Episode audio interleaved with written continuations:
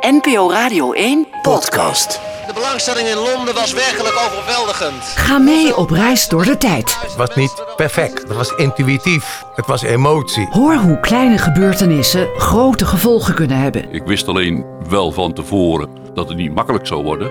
Maar eh, toen waren we nog jong en dat kon allemaal. Hoe succes en verdriet elkaar afwisselen. En hoe de loop van de geschiedenis ons sterker maakt in het hier en nu. Discriminatie, dat is eigenlijk eh, iets wat je moet hebben meegemaakt om je sterker te voelen in alle opzichten. Het verleden is vaak dichterbij dan je denkt. Nederlandse aardappelen bijvoorbeeld. Want dat was belangrijk. Luister de Andere Tijden podcast via nporadio1.nl slash podcast of je favoriete podcast app. Hoeveel duizenden mensen er wel niet langs de straat komen, het is ongelooflijk.